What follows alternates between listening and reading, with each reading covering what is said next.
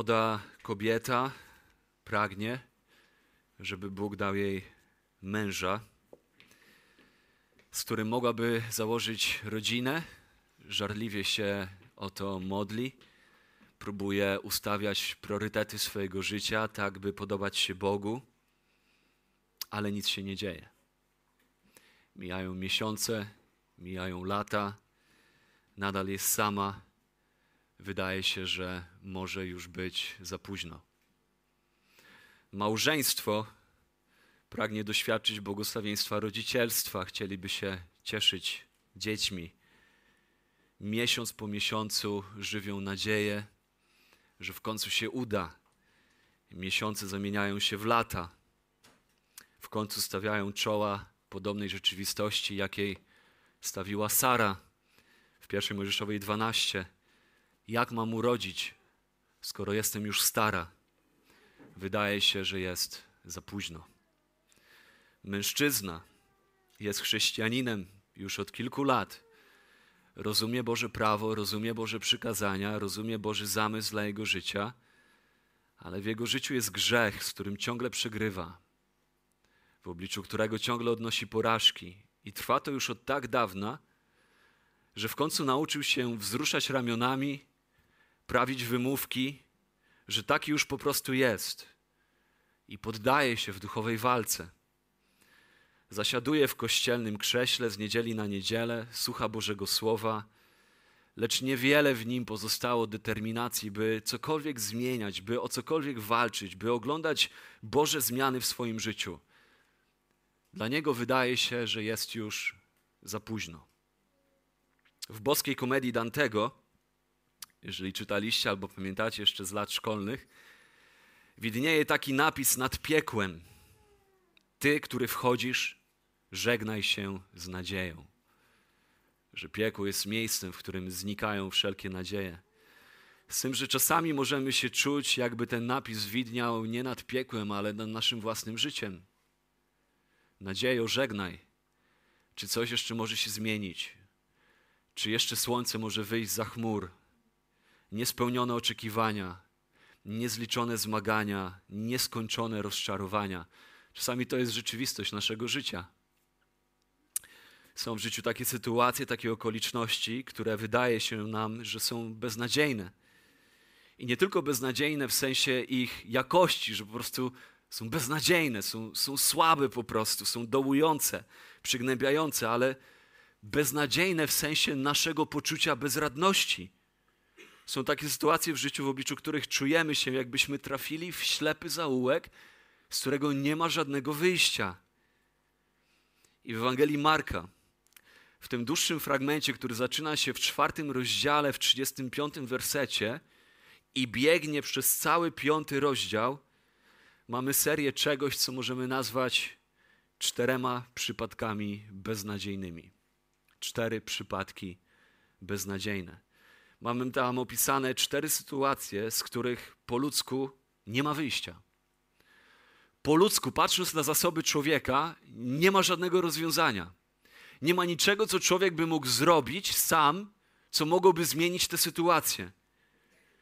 Mamy tutaj do czynienia z przypadkami, w obliczu których człowiek jest kompletnie bezradny. Pierwszą sytuacją jest sytuacja na morzu, kiedy to uczniowie stawiają czoła siłom natury. My doskonale wiemy, że człowiek nawet w swoim całym postępie cywilizacyjnym, technologicznym wciąż nie jest w stanie zapanować nad wiatrem, nad falami, nad trzęsieniami ziemi, nad siłami natury. Kiedy człowiek stawia czoła żywiołom, jest bezradny i to jest sytuacja, w której znaleźli się uczniowie. Sytuacja bezradności, która rzuca pytanie, czy dla nas jest nadzieja. Ich doświadczenie dotychczasowe jako doświadczonych rybaków idzie w niwecz, stawiają czoła czemuś, co przerasta ich możliwości. Potem mamy w piątym rozdziale pierwsze dwadzieścia wersetów. Widzimy stawienie czoła masowemu opętaniu. Kilka razy Marek jako narrator tej historii powtarza nam i nikt nie mógł go poskromić. To była sytuacja nie do opanowania. Sytuacja, w jakiej znalazł się ten opętany legionem demonów, była sytuacją nie do poskromienia przez zasoby ludzkie. Sytuacja po ludzku beznadziejna, przypadek beznadziejny. I potem mamy trzecią historię o przewlekłej chorobie. Historia, na którą spojrzymy dzisiaj. Historia, w której lekarze nic nie mogli zrobić. I mamy historię czwartą, historię śmierci. Śmierć chyba nie potrzebuje komentarza. Śmierć, zwłaszcza śmierć dziecka, jest sytuacją beznadziejną. Sytuacją, która stawia ciebie w obliczu poczucia kompletnej bezradności i beznadziei. I kiedy patrzymy na te cztery sytuacje, one rodzą pytanie, czy, czy jest w nich nadzieja? Czy jest ktoś, kto się troszczy, ale nie tylko się troszczy, ale też ktoś, kto naprawia takie rzeczy? Ktoś, kto rzuca nadzieję w ciemnych dolinach śmierci, w których mogą się znaleźć Boży ludzie? Czy jest ktoś, kto ma moc i ma troskę, ma miłość, by naprawiać zepsuty świat? To jest temat, który rozpoczęliśmy ostatnim razem i kontynuujemy, kończymy go dzisiaj. Jezus, który naprawia zepsuty świat, który ma moc i który ma miłość, by zareagować i naprawiać zepsuty świat.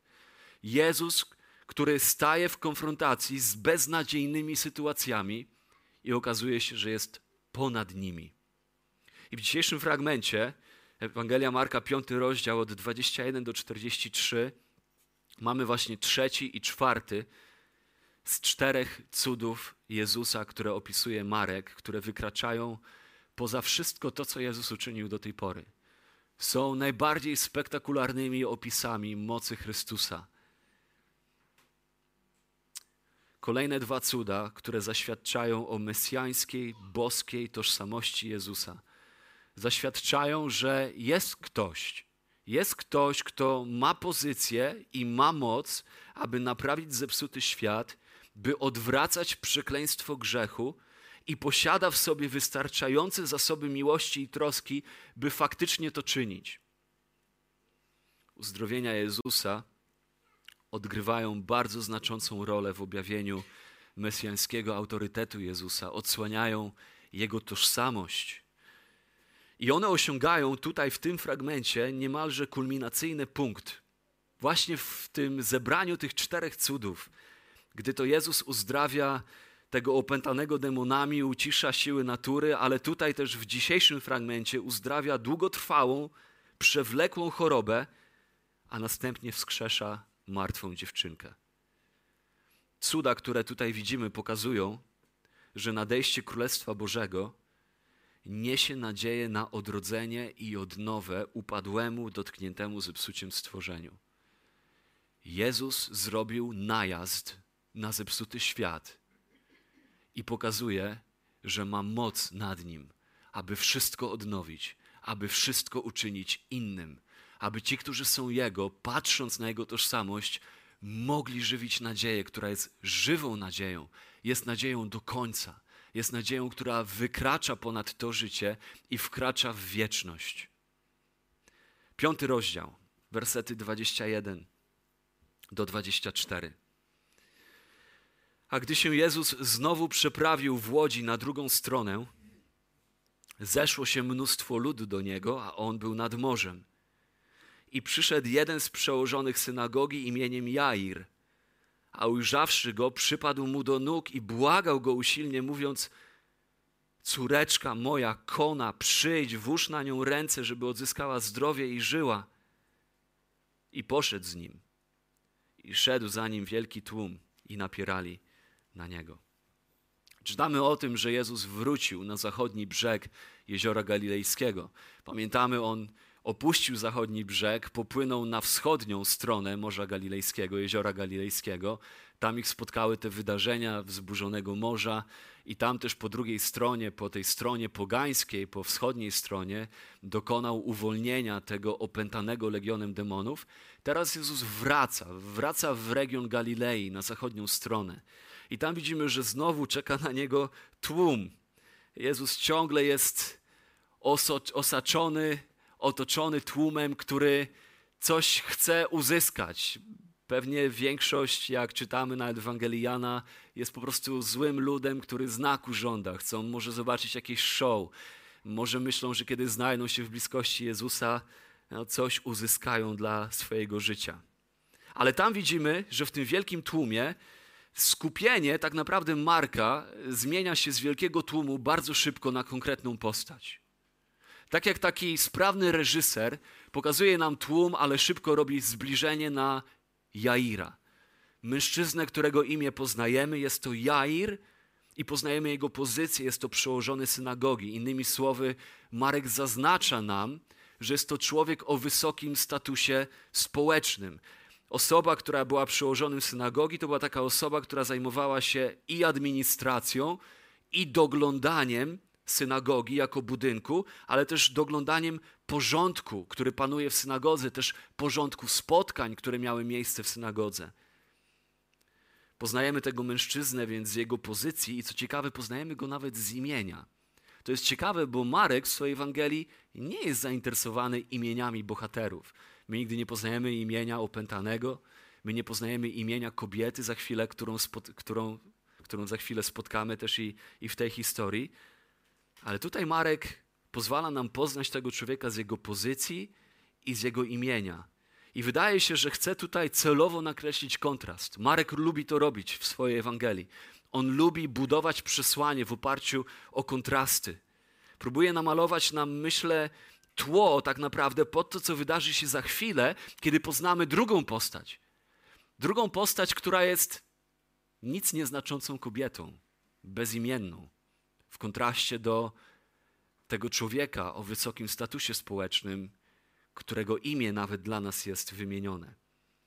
W każdym razie widzimy, że Jair pada na kolana przed Jezusem z desperackim błaganiem: Córeczka moja umiera, córeczka moja kona, przyjdź, włóż na nią ręce, żeby odzyskała zdrowie. Jair kocha swoją córkę, jest to młoda córeczka, ma 12 lat, mówi o niej w zdrobniały sposób, kiedy mówi moja córeczka, Kona, mówi o niej w sposób czuły i jej, jego córeczka stoi u wrót śmierci. I my wiemy, że tak nie powinno być. Rodzice nie powinni oglądać śmierci swoich dzieci. To jest sytuacja, w jakiej znalazł się ten zdesperowany, przełożony synagogi o imieniu Jair. Staje w obliczu śmierci własnej córki.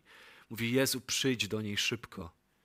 Więc ma jakiś wyraz wiary wobec Jezusa, że jeżeli Jezus by przyszedł i włożył na nią ręce, coś mogłoby się zmienić. Manifestuje wiarę. Ten człowiek, Jair, pada przed Jezusem. Pada przed Jezusem. Czyż to nie jest to, co wiara czyni? Czyż to nie jest jedna z cech tego, czym, czym wiara chrześcijańska jest? Kiedy zrozumiemy, kim ten człowiek był, zrozumiemy, jak wiele miał do stracenia. Jako przełożony synagogi, człowiek o wysokim statusie społecznym. Uczeni w piśmie, jak pamiętamy, byśmy cofnęli się do trzeciego rozdziału, trzeci rozdział, szósty werset, czytamy o tym, że uczeni w piśmie to są ci, którzy no, najbardziej z synagogi korzystali. To są ci, z którymi Jair najwięcej miał do czynienia w swojej codzienności. Uczeni w piśmie i faryzeusze, oni już postanowili, że chcą zgładzić Jezusa. Oni nie są po stronie Jezusa, są przeciwko Niemu. Uznali Jezusa za bluźniercę. A tu Jair zwraca się do Jezusa z błagalnym wołaniem, nie zważając na to, co to oznacza względem jego reputacji w oczach tych, dla których w pewnym sensie pracuje, z którymi się ściera na co dzień, którzy postanowili Jezusa zgładzić. Ale czyż to nie jest lekcja dla nas o tym, co wiara czyni? Czym wiara jest? Czyż wiara nie powinna być gotowa na radykalne ruchy, na radykalne gesty? Czyż nasza wiara nie powinna być czymś, co nie zważa na to, co pomyślą o nas inni ludzie? Wiara chwyta się osoby i dzieła Jezusa jako Pana i Zbawiciela, jako tego, u którego jest jedyny ratunek. To jest to, co wiara czyni. Wiara chwyta się prawdy o tym, kim naprawdę jest Jezus, chwyta się Jezusa jako naszej jedynej nadziei, jako jedynej drogi, prawdy i życia. Wiara mówi, sam Chrystus gruntem, skałą mą, a wszystko inne sypkim piaskiem jest. On, Chrystus, gruntem, skałą mą, a inne sypkim piaskiem są. Czyż to nie jest to, co wiara czyni i czym wiara się charakteryzuje? I czytamy zaraz bardzo szybko w wersecie 24. I Jezus poszedł za nim. Pomyślmy o tym chwilę. Spróbujmy się postawić w tej sytuacji. Napierają tłumy i pomimo napierających tłumów, Jezus decyduje się wkroczyć w desperację tego cierpiącego, przestraszonego ojca. Decyduje się odstawić tłumy na bok i zająć się indywidualną potrzebą zdesperowanego mężczyzny, który który stoi w obliczu śmierci własnej córki, umierającej córki. Marek zaświadcza nam tutaj o oddaniu Jezusa, o Jego trosce, o Jego miłości, by służyć ludziom w ich potrzebach, o Jego trosce o jednostkę, a nie tylko o tłumy. Zwłaszcza kiedy pomyślimy, że przecież Jezus jest w obliczu realizacji misji na skalę światową. Czemu miałby się przejąć jakimś jednym człowiekiem? A jednak czyni to. Czyni to kiedy czytam tę historię, nasuwa mi się pytanie, dlaczego miałoby mu zależeć? Czy mi by zależało w obliczu tłumów? Przecież właśnie jest na misji o światowej skali. Czemu miałby się przejąć jedną małą dziewczynką i za chwilę przeczytamy i jakąś chorą kobietą? A jednak to robi. A jednak to robi.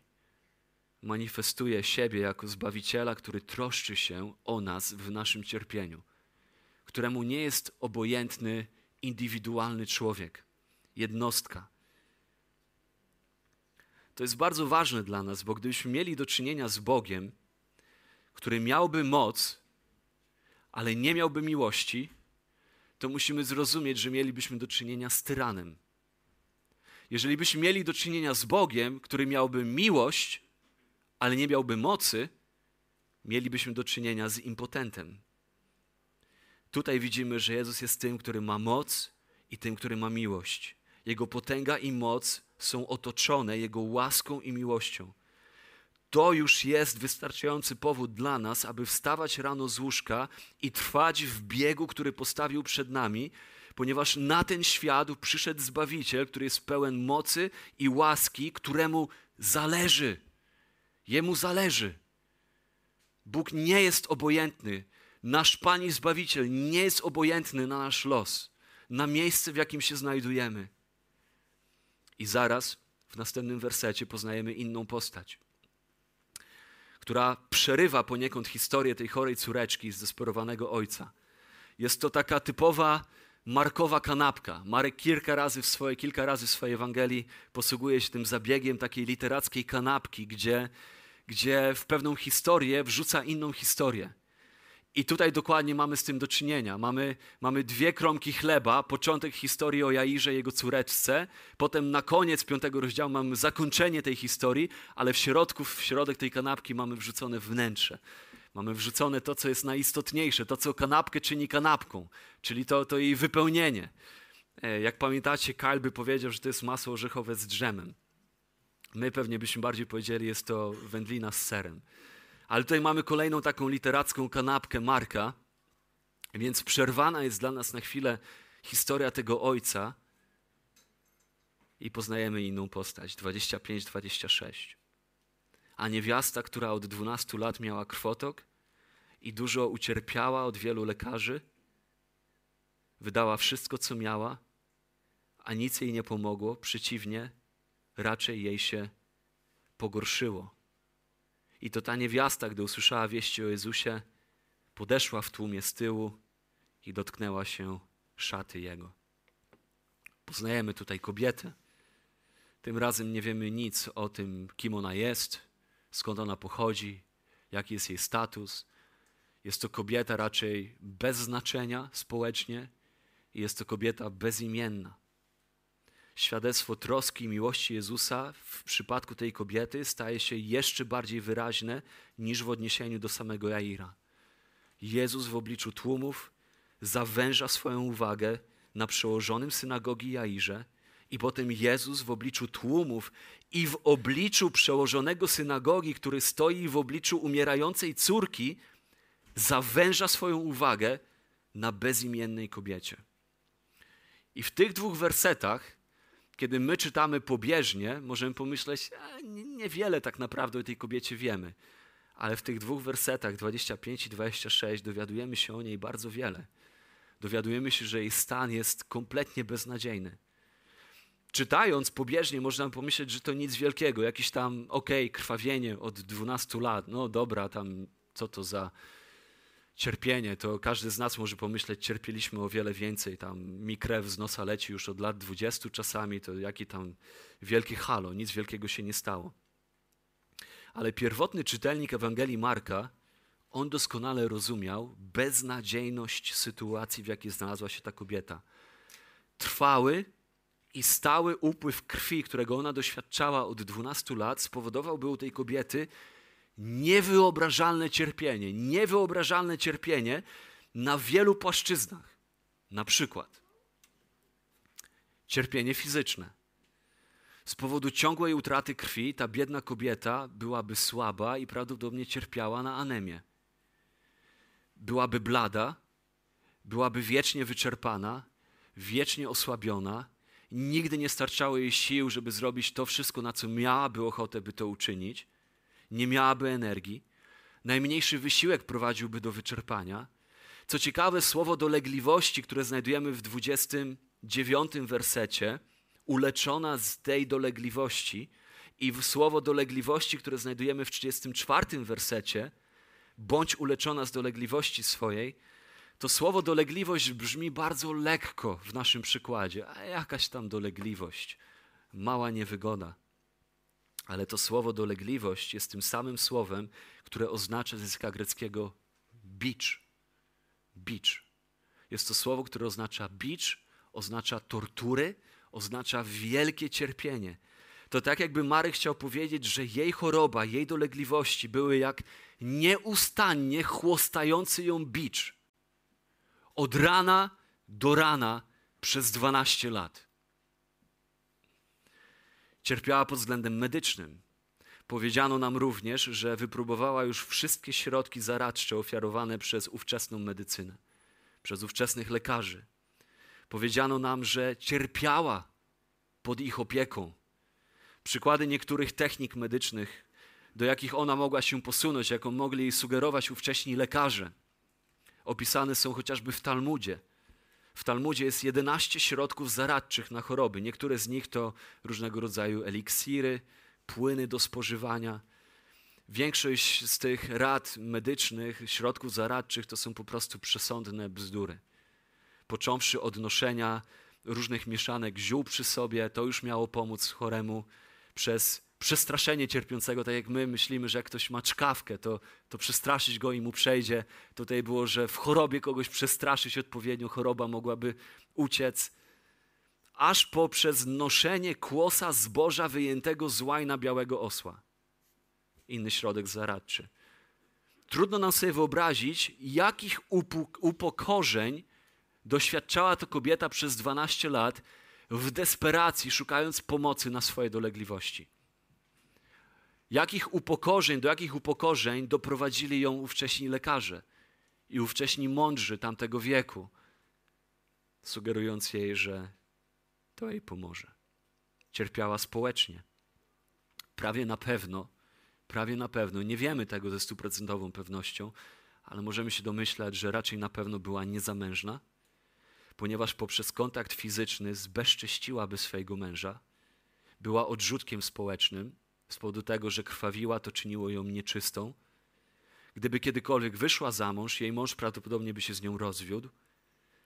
Nie mogła pracować pośród innych ludzi ze względu na niebezpieczeństwo skalania ich.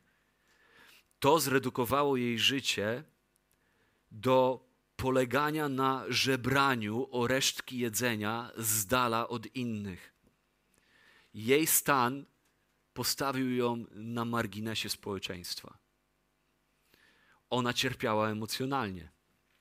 Ponieważ Biblia mówi, że chorowała w ten sposób przez 12 lat, to biorąc pod uwagę średnią długość życia w tamtym czasie, możemy śmiało założyć, że prawdopodobnie zachorowała w okresie dojrzewania.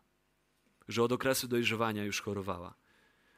Odrzucenie, możemy się domyślać, że odrzucenie to była jedyna rzecz, to było wszystko, co ona w życiu znała.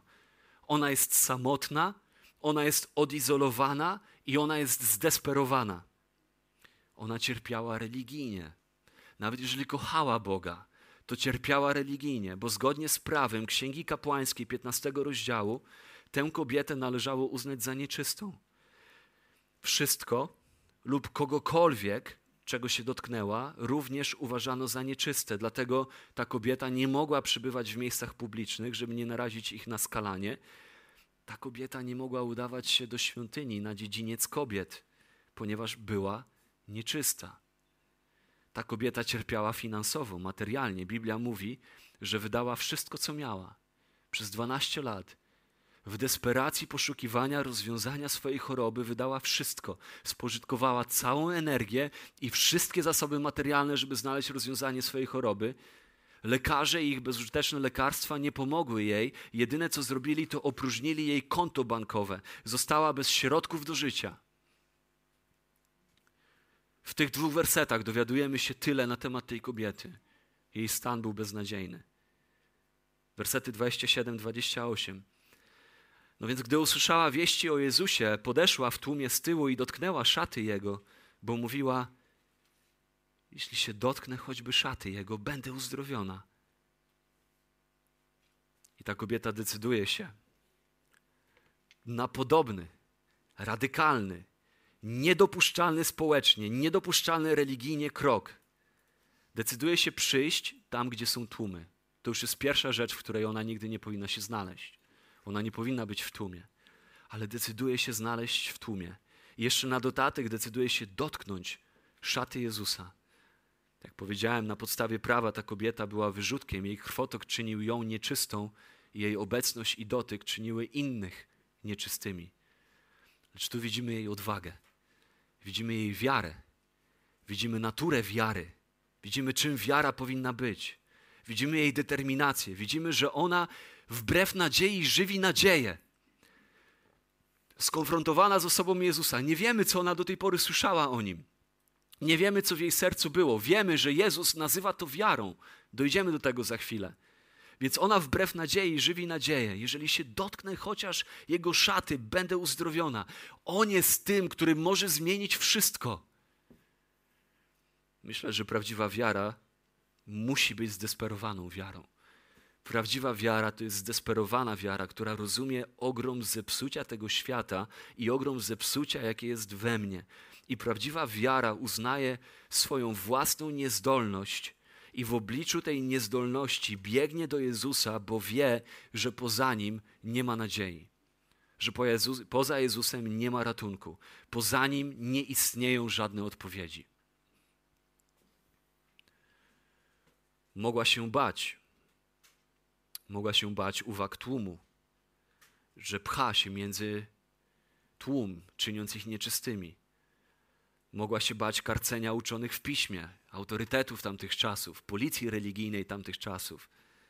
Mogła się bać upomnień uczniów, że próbuje dotknąć hrabiego w swej nieczystości. A jednak to robi. A jednak to robi, nie zważając na te rzeczy, przychodzi do Jezusa. I przychodzi do Jezusa szczególnie w kontraście do Jaira. Marek próbuje nam ukazać, że przychodzi do Jezusa jako wyrzutek. Przychodzi do Jezusa jako margines społeczny, w niepojętym cierpieniu, zdesperowana, by doznać na uzdrowienia, choć niegodna, niegodna Jego czasu i niegodna Jego uwagi. Ale widzimy, że postawa tej kobiety jest postawą wiary, która podoba się Jezusowi. I widzimy to w tym, co dzieje się dalej, 29 do 34. I zaraz ustał jej krwotok i poczuła na ciele, że jest uleczona z tej dolegliwości. A Jezus, poznawszy zaraz, że z niego uszła moc, zwrócił się do ludu i rzekł: Kto się dotknął szat moich? Na to rzekli mu uczniowie jego: Widzisz, że lud napiera na ciebie, a pytasz, kto się mnie dotknął? I spojrzał wokoło, aby ujrzeć tę, która to uczyniła. Wtedy ów niewiasta z bojaźnią i drżeniem, wiedząc, co się jej stało, przystąpiła, upadła przed nim i wyznała mu całą prawdę. A on jej rzekł: Córko, wiara twoja uzdrowiła cię. Idź w pokoju i bądź uleczona z dolegliwości swojej. I widzimy w 34 wersecie kulminację tego, że Jezus uważa jej postawę za za wiarę. I pragnienie tej kobiety, by dotknąć Jezusa, odzwierciedla powszechne przekonanie w ówczesnym świecie, że moc człowieka może być przekazywana przez ubranie. Można pomyśleć, dlaczego ona szaty dotyka, ale to było powszechne myślenie wtedy. Widzieliśmy to już w Ewangelii Marka w trzecim rozdziale, w dziesiątym wersecie.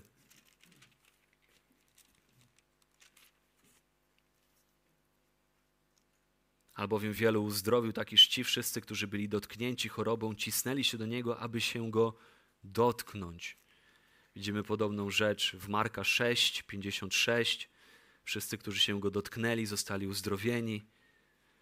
Podobne przekonania i rezultaty są w dziejach apostolskich opisane dla nas, kiedy mamy opisane osoby, które próbowały dotknąć cienia Piotra, dzieje apostolskie 5:15, albo chust i przypasek Pawła, dzieje 19:12. Relacje te czasami niepokoją współczesnego chrześcijanina albo krytyka chrześcijaństwa, że chrześcijaństwo jest ukazane jako jakiegoś rodzaju magia. Ale Marek Marek się tego nie obawia. Wyjaśnia, że uzdrowienie nie było wynikiem jakiejś magii, ale było wynikiem czego? Werset 34. Było wynikiem wiary. To nie w magiczny sposób dotknięcie szaty uzdrowiło tę kobietę, ale akt wiary, manifestacja wiary w Chrystusa jest tym, co uczyniło ją zdrową. To Twoja wiara cię ocaliła, werset 34, a nie kwestia magicznego rytuału. Bóg cię uzdrowił w odpowiedzi na Twoją wiarę. I co ciekawe, widzimy, że jej uzdrowienie było pełne i natychmiastowe. I od razu poczuła, że jest uleczona, werset 29, z tej dolegliwości. To nie było stopniowe uzdrowienie. Ona nie musiała wracać na kolejne spotkania uzdrowieńcze, na, spo, na kolejne jakieś zjazdy charyzmatyczne, na kolejne wiązania demonów z tych rzeczy, z których wcześniej już była uwolniona, na kolejne ulżenie jej dolegliwością. Ona natychmiast poczuła, że jej stan ustąpił, natychmiast i całkowicie. Jej uzdrowienie było kompletne i jej uzdrowienie było natychmiastowe. Jeszcze raz, w normalnych okolicznościach ona by czyniła wszystko, czego się dotknęła, nieczystym. W normalnych okolicznościach, jeżeli nieczysty dotyka czegoś czystego, to czyste stawało się splamione. My jakby rozumiemy, jak to działa. Jeżeli weźmiemy kromkę spleśniałego chleba, włożymy go do pojemnika i pomyślimy, żebyśmy tam włożyli pięć kromek świeżego chleba, żeby te pięć kromek świeżego chleba zmieniło spleśniały chleb na świeży, to wiemy, że to tak nie działa. My wiemy raczej, że to działa w drugą stronę. Pleśń przejdzie na to, co zdrowe, na to, co czyste. To, co nieczyste, splami to, co czyste, a nie na odwrót. I my rozumiemy, że tak to działa. Tutaj jednak, kiedy mamy do czynienia z Jezusem, widzimy, że Jezusowi kompletnie nie grozi bycie splamionym. Jezus stoi ponad wszelkim splamieniem stoi ponad wszelkim skażeniem, stoi ponad każdą chorobą, ponad każdą nieczystością, ponad każdym zepsuciem, jako ten, który odwraca zniszczenie, jako ten, który zmienia chorobę w uzdrowienie, w zdrowie.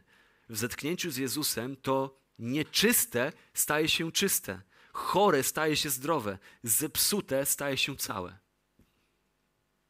30 werset. A Jezus poznawszy zaraz, że z niego moc uszła, zwrócił się do ludu i rzekł: Kto się dotknął szat moich?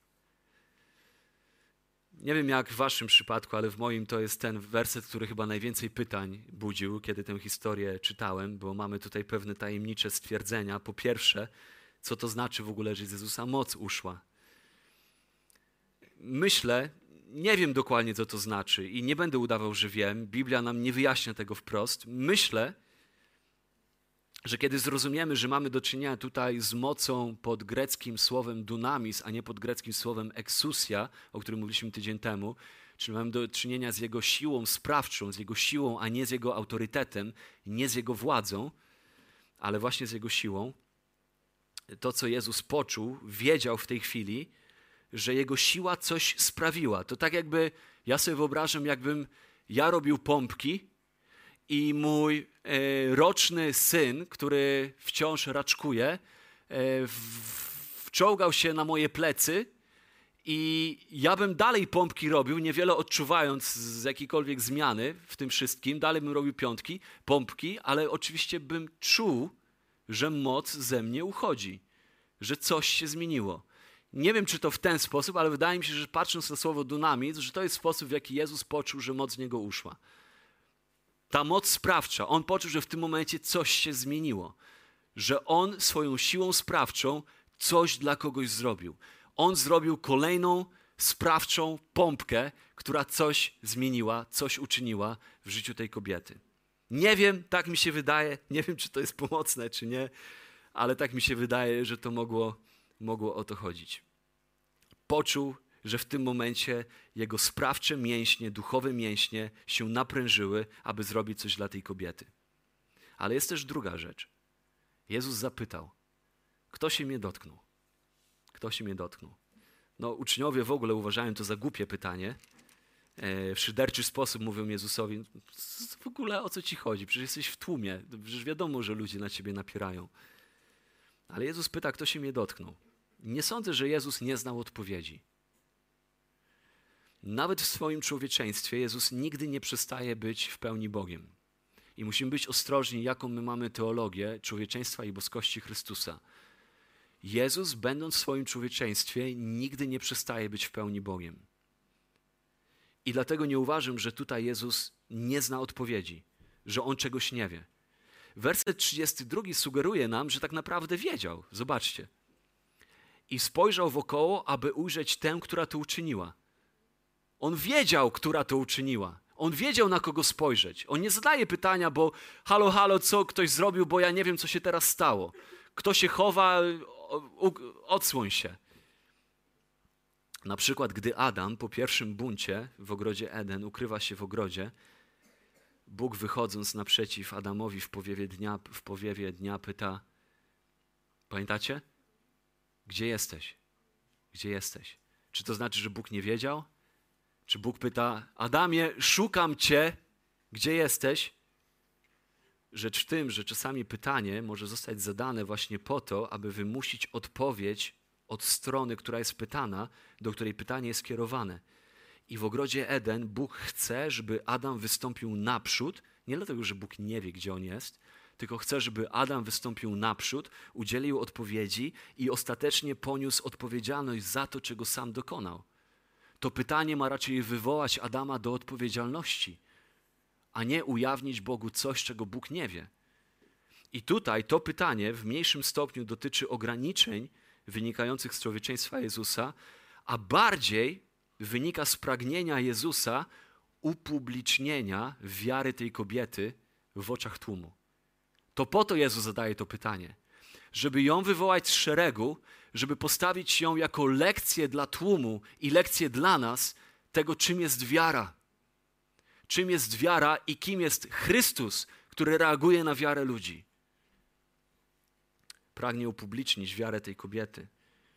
I z narracyjnego punktu widzenia, poszukiwania Jezusa, czy pytanie Jezusa, daje kobiecie możliwość wystąpienia i złożenia świadectwa o tym, co się z nią stało. Werset 33. I wtedy owa niewiasta z bojaźnią i drżeniem, wiedząc, co się jej stało, przystąpiła, upadła przed nim i wyznała mu całą prawdę. Kobieta jest przejęta bojaźnią i drżeniem w wyniku zderzenia z Jezusem. Niby przyszła po uzdrowienia, ale kiedy doświadczyła uzdrowienia, jest w szoku. Bojaźń, drżenie, strach. To jest ciekawe, bo bojaźń, drżenie i strach są tematem przywijającym się przez wszystkie cztery cuda, które Marek tutaj dla nas kumuluje. Pamiętacie reakcję uczniów na morzu? I byli jeszcze bardziej przerażeni po tym, jak uciszył morze, także zastanawiali się, kim on jest. Pamiętacie reakcję ludzi po wschodniej stronie jeziora Galilejskiego, kiedy Jezus uwolnił opętanego legionem demonów? Przestraszyli się, bali się, tak że prosili go, żeby opuścił ich ziemię. Tutaj mamy kobietę, która reaguje strachem i bojaźnią, drży i boi się, ale pada przed Jezusem. Znowu mamy kontrast. Uczniowie zamiast paść przed Jezusem pytają się, kim on jest. Lud po wschodniej stronie, zamiast zaprosić Jezusa do siebie, wygania go, bo boją się tego, jak on może zaburzyć komfort ich codziennego życia. Tutaj jednak kobieta, skonfrontowana z Jezusem w bojaźni i drżeniu, pada przed nim. Daje wyraz, manifestację tego, do czego strach i bojaźń przed Bogiem powinny prowadzić. Powinny prowadzić do pokłonu przed nim, do padnięcia przed nim w uniżeniu. I to jest dokładnie to, co ona czyni. I teraz cała prawda zostaje ujawniona, a kobieta staje skonfrontowana z osobą Jezusa. Przez 12 lat żyła nie tylko z chorobą, ale też ze wstydem, ostracyzmem i samotnością, a teraz została wystawiona na światło dzienne. Kto mnie dotknął? Ona się ujawnia, wyznaje całą prawdę. I tu od razu dowiadujemy się, w Królestwie Bożym cuda nie są celem samym w sobie. Cuda mają prowadzić do spotkań takich jak to. Cuda mają prowadzić do spotkania z Jezusem, do odsłonięcia Jego tożsamości. I werset 34 czytaliśmy już, Jezus wychwala jej wiarę i ogłasza jej uzdrowienie, a dokładnie ogłasza jej ocalenie, bo używa tam słowa sorizo, zbawienie, ocalenie. Wiara Twoja zbawiła Cię. Wiara Twoja uratowała Cię, ocaliła Cię. Pojęcie tego, tego słowa, czy to słowo w swym znaczeniu zawiera wiele więcej niż tylko przemianę fizyczną, którą my możemy odnieść do fizycznego uzdrowienia, ale zawiera w sobie szerokie znaczenie zbawienia, ocalenia człowieka od grzechu i przekleństwa, a ostatecznie przemianę człowieka w dniu ostatecznym w nowe niebo i nową ziemię. To tak jakby fizyczne uzdrowienie tej kobiety było nieodłączną częścią większego zbawienia, większego ocalenia. Twoja wiara przyniosła Ci zbawienie. Jestem przekonany, że Jezus nie odnosi się tutaj tylko do tego fizycznego ocalenia w wąskim jego znaczeniu, ale w świetle tego, dokąd zmierza cała księga, cała Ewangelia Marka, w świetle faktu, że ta księga prowadzi Jezusa na krzyż, w świetle faktu, że za pięć rozdziałów, w dziesiątym rozdziale, Jezus sam powie, że nie przyszedł, aby mu służono, ale by służyć i oddać swoje życie na okup za wielu. Wierzę, że Marek tutaj w narracyjny sposób sugeruje nam o zbawieniu, które sięga o wiele dalej niż zbawieniu, które sięga tylko do potrzeb fizycznych. Ale, nie może zapomnieliśmy, ale w tle mamy wciąż kogoś. W tle mamy Jaira. W tle mamy Jaira, któremu się spieszy, który jest zdesperowany, którego córka umiera, a tutaj takie rzeczy się dzieją. Czy Jezusowi nie zależy? Czy on nie rozumie, jak pilna jest sytuacja? Podobną sytuację spotykamy w Jana 11 rozdziale, kiedy umiera Łazarz. Gdybyś wcześniej przyszedł, gdybyś tu był wcześniej, czy tobie nie zależało, czy jemu nie zależy? Co w tym czasie musi czuć Jair? I werset 35. A gdy jeszcze mówił, nadeszli domownicy przełożonego synagogi, wracamy do tej kanapki, wracamy do tej pierwszej kromki chleba i donieśli, córka twoja umarła. Czemu jeszcze trudzisz nauczyciela? I tutaj przychodzą do Jaira najgorsze z możliwych wieści. Twoja córka nie żyje. Koszmar stał się rzeczywistością. Córeczka zmarła. Co się musiało wydarzyć w tym momencie w sercu Jaira? Do bólu związanego ze stratą, stratą córki dołożyć ból związany z tym, że wydaje się, że Jezus zawiódł w tej sytuacji, bo spowalniał wszystko, bo zajął się nic nieznaczącą kobietą, bezimienną. Co musiało się dziać w sercu Jaira w tym momencie? Wydaje się, że jego wiara w tym momencie ustała zderzony z beznadzieją śmierci, z beznadzieją, jaką wywołuje śmierć, śmierć córki w życiu ojca.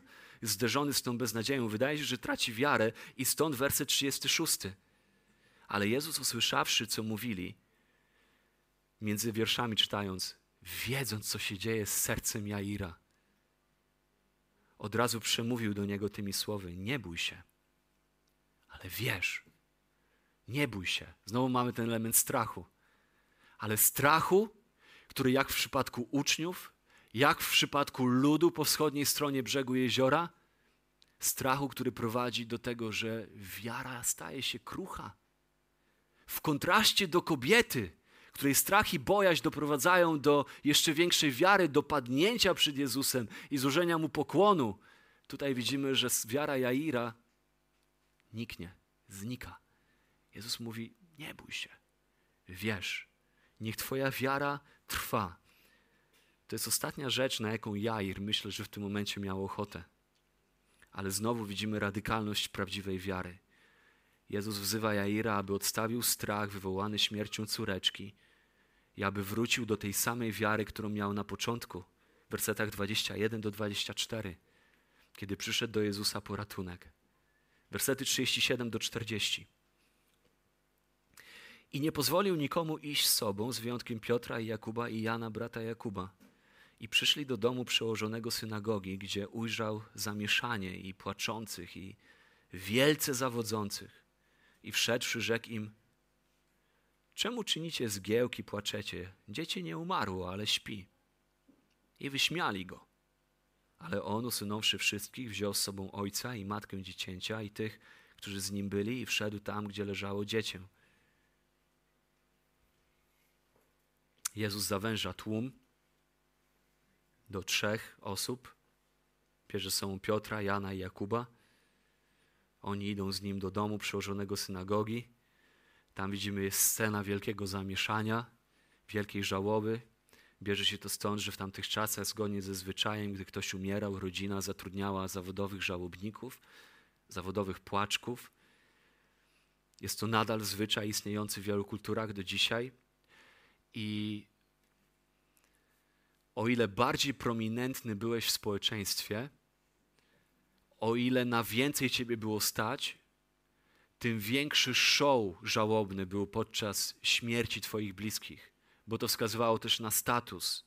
Im więcej miałeś pieniędzy, tym większa była grupa zawodowych żałobników. I tutaj widzimy, że stąd prawdopodobnie się bierze to zamieszanie. Oni tam stoją i płaczą i lamentują głośno, robią to, do czego zostali wynajęci. Jezus wchodzi i mówi: Dlaczego robicie zamieszanie i płaczecie? Dziecko nie umarło, ale śpi. I zwróćcie uwagę na to, to jest to, co możemy nazwać szybką zmianą akcji. Zobaczcie, co się dzieje, kiedy Jezus to mówi. Ci ludzie, którzy przed chwilą tak wielce zawodzili w płaczu, co robią? Zaczynają się śmiać. Wyśmiewają Jezusa. I tutaj też po raz kolejny widzimy, że w odniesieniu do Chrystusa nie ma czegoś takiego jak neutralność. Nie ma postawy neutralności. Wiara w Pana Jezusa pośród trudów, realiów życia w zepsutym świecie jest rzeczą kluczową. Albo wierzysz, że Jezus jest tym, kim jest i żyjesz zgodnie z tą wiarą, i to kształtuje sposób, w jaki reagujesz na rzeczy, z którymi spotykasz się codziennie, które w swojej suwerenności zaplanował dla ciebie Bóg, albo kpisz z Jego istnienia i żyjesz w oparciu o swój rozum. Nie ma neutralności. Albo jesteś z Nim, albo jesteś przeciwko Niemu. Nie ma neutralności. Wersety 40 i 41. Więc oni się śmiali, Jezus ich usunął, wszedł tam, gdzie leżało dziecię i ująwszy dziewczynkę za rękę, rzekł jej talita kumi, co znaczy dziewczynko, mówię ci, wstań.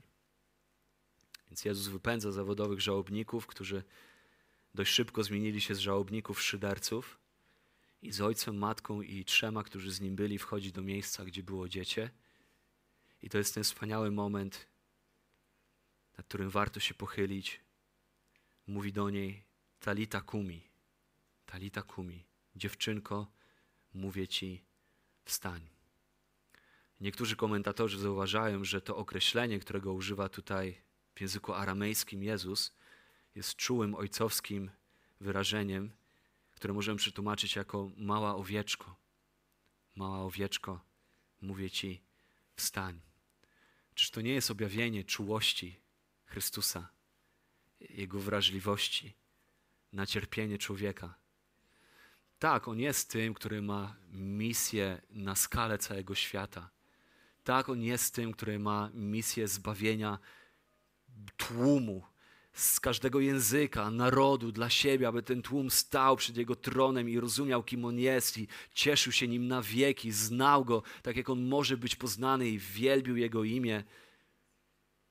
Ale On jest też tym, który dotyka ręki dziewczynki który reaguje na potrzeby cierpiącego ojca, który reaguje na wiarę nic nieznaczącej, bezimiennej kobiety. On jest tym, który kocha, on jest tym, który interesuje się życiem jednostki, przez to, przez co przechodzi. Nie ma szczegółów, które byłyby zbyt małe dla Mesjasza. Biblia mówi, że końcem wszystkiego, co On dla nas ma, jest odnowienie wszystkich rzeczy. Może końcem naszego zmagania nie będzie doświadczenie, które miała ta kobieta, doznania uzdrowienia po 12 lat przewlekłej choroby. Może nie doświadczymy, raczej nie doświadczymy zmartwychwstania naszych martwych dzieci. Ale końcem wszystkiego, ostatecznym końcem jest wieczne odnowienie. Efezjan 1, 13, 14.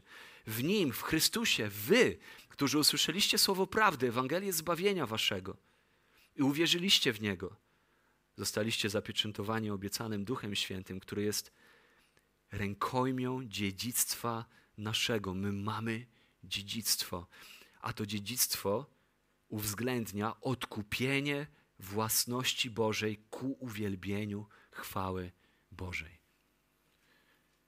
To jest to, czego oczekujemy. To jest powód, dlaczego Paweł może powiedzieć: Nie upadamy na duchu, bo ucisk tutejszy, obecny, jest nieznaczny w obliczu wielkości wiekuistej chwały, którą przygotował tym, którzy są Jego. To dlatego apostoł Paweł może powiedzieć: Nie upadamy na duchu, bo mamy dom ręką Bożą zbudowany dla nas w niebie. To dlatego Słowo Boże może powiedzieć: Nasze obywatelstwo jest w niebie i tam kierujemy nasze oczy. Oczekujemy naszego Zbawiciela, który przyjdzie i zmieni znikome nasze ciała na podobieństwo swojego uwielbionego ciała. I chociaż możemy nie doświadczyć tych samych rzeczy w tym doczesnym życiu, których doświadczają te postacie w tych historiach, to nasza wiara, będąc wiarą taką, jaką widzimy w tej historii, będąc autentyczną wiarą, prowadzi do realizacji tych samych obietnic. On otrze wszelką łzę z oczu swojego ludu. On usunie wszelką chorobę. On zaiste naprawia zepsuty świat. I tutaj widzimy, dziewczynka natychmiast staje, zaczyna chodzić, jest uzdrowiona, wszystkich ogarnia zdumienie.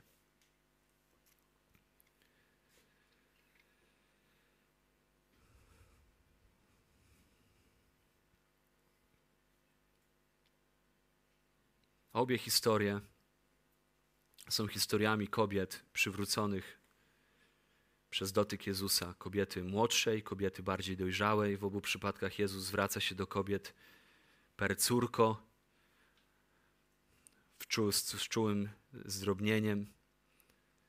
Zarówno czas trwania choroby kobiety, jak i wiek córki podaje się 12 lat. W obu relacjach są szydercy, którzy śmieją się z tego, co robi Jezus. W wersecie 31 to uczniowie go wyśmiewają. W wersecie 40 zawodowi żałobnicy przyłożył śmierci dziewczynki. W obu przypadkach Jezus styka się z kimś nieczystym, z nieczystą kobietą, a także dziewczynka, kiedy zmarła, tak samo zmarły był uważany za tego, który czyni innych nieczystym. Nie można było zbliżać się do zwłok. Jeżeli ktoś się zbliżył do zwłok, musiał przychodzić rytuał oczyszczenia. Jezus styka się z nieczystymi w obu przypadkach. I w obu przypadkach to nie Jezus staje się nieczystym, lecz Jezus czyni nieczystego czystym. I obie te historie to historie wiary. Wiary Jaira i wiary kobiety. Wydaje mi się jednak, że nacisk pada na wiarę kobiety. Stąd też ten zabieg tej kanapki, marka literackiej kanapki. To jej wiara ukazana jest najbardziej pozytywnie, nie wiara Jaira. To jej reakcja jest ukazana najbardziej pozytywnie i daje nam kontrast, nowy wgląd w to, na czym polega wiara chrześcijańska. To nie tylko wiara w Jezusa, który jest prawdziwy, na którym naprawdę można polegać, ale jest coś więcej. Kiedy porównujemy tę kobietę z Jairem, widzimy, że nie miała ona imienia, nie miała ona pozycji, nie miała ona żadnego poczucia bezpieczeństwa. Ona miała wszystko w swoim życiu, czego mogła się wstydzić. Ona miała wszystko w swoim życiu, co mogło sprawić, że nie miałaby odwagi, by podejść do Jezusa. Przychodzi do Niego przestraszona. I być może my czasami myślimy o różnych osobach jako osobach dojrzałej wiary i przyglądamy się swojemu życiu i nie widzimy w sobie wielkiej siły i wiary. Patrzymy swoje życie i raczej widzimy słabość. Patrzymy na swoje życie i widzimy kogoś, kto może w naszych oczach nie ma znaczenia. Jest jakiegoś rodzaju marginesem i zadajemy sobie pytanie, jak naprawdę mogę zaufać Chrystusowi? Czy ja też mogę naprawdę zaufać Chrystusowi? I być może ogromnie cierpiałeś, a może nawet cierpisz. A wraz z cierpieniem nadchodzą chwile zwątpienia, niepewności i strachu. Boisz się przyszłości i zadajesz pytanie: jak ufać Chrystusowi? A może pada na ciebie wyrok śmierci ze względu na nieuleczalną chorobę? A może zostaniesz pogrążony w żałobie w jakimś momencie, podobnie jak Jair? Albo w Twoim życiu są jakieś tak głęboko zakorzenione grzechy, o których nie wie nikt inny, jak tylko sam Bóg Wszechmogący, i myślisz, jak mogę zaufać Chrystusowi? Otóż tutaj jest historia dla nas, że jeżeli wiara zniszczonej, zhańbionej, bojaźliwej, przerażonej kobiety w pierwszym wieku została zauważona przez Jezusa, to znaczy, że i ty możesz przyjść i zaufać Chrystusowi, bez względu na to, w jakim miejscu jesteś w kwestii tego, jak się czujesz sam ze sobą. Wiara, którą pochwala ten fragment, jest wiarą zdesperowaną, jest wiarą stłuczoną. To nie jest wiara silnych, to jest wiara słabych. To nie jest wiara szanowanych, ale to jest wiara zhańbionych. To nie jest wiara godnych, ale to jest wiara tych, którzy są na marginesie. To nie jest wiara odważnych, ale to jest wiara bojaźliwych. Bo to, co przede wszystkim się liczy, to nie sama wiara. I Ewangelie uczą nas tego cały czas. Że nie liczy się wiara w wiarę, nie liczy się wiara, liczy się obiekt wiary. Jeżeli obiektem naszej wiary jest Chrystus, to to zmienia wszystko. Przychodzi jak lekarz po chorego. Przychodzi jak silny do słabego, przychodzi do złamanych, posiniaczonych i winnych. I my wszyscy jesteśmy niegodni. Wszyscy jesteśmy chorzy, uczy nas Boże Słowo. Wszyscy cierpimy i nie przede wszystkim chorobą fizyczną, to nie jest nasz główny problem, ale wielką, ogromną, przeraźliwą chorobą, którą Biblia nazywa grzechem, która powoduje śmierć. Śmierć nie tylko fizyczną, ale duchową, wieczne potępienie, sąd, sprawiedliwy sąd gniewu Bożego. I nie ma dla nas żadnej innej nadziei, jak tylko wielki lekarz, którym jest Jezus. W nim i tylko w nim można znaleźć przebaczenie, moc i ostateczne wybawienie od grzechu. I zachęcam Ciebie dzisiaj, jeżeli jeszcze tego nie zrobiłeś, przepchnij się przez tłum. Dotknij się szaty Jezusa. Przyjdź do Niego z wiarą, która pada i składa Mu pokłon i rozpoznaje w Nim wielkiego lekarza, wielkiego Zbawiciela, Pana, który jest godzien Twojej lojalności, Twojej służby i Twojego oddania. Jest wspaniały w miłości i nieograniczony w mocy. I On przyszedł przeprowadzić inwazję na ten świat, zrobił najazd na ten świat jako ten, który pokazuje, że jest zdolny naprawić to, co zepsute i zrobi to.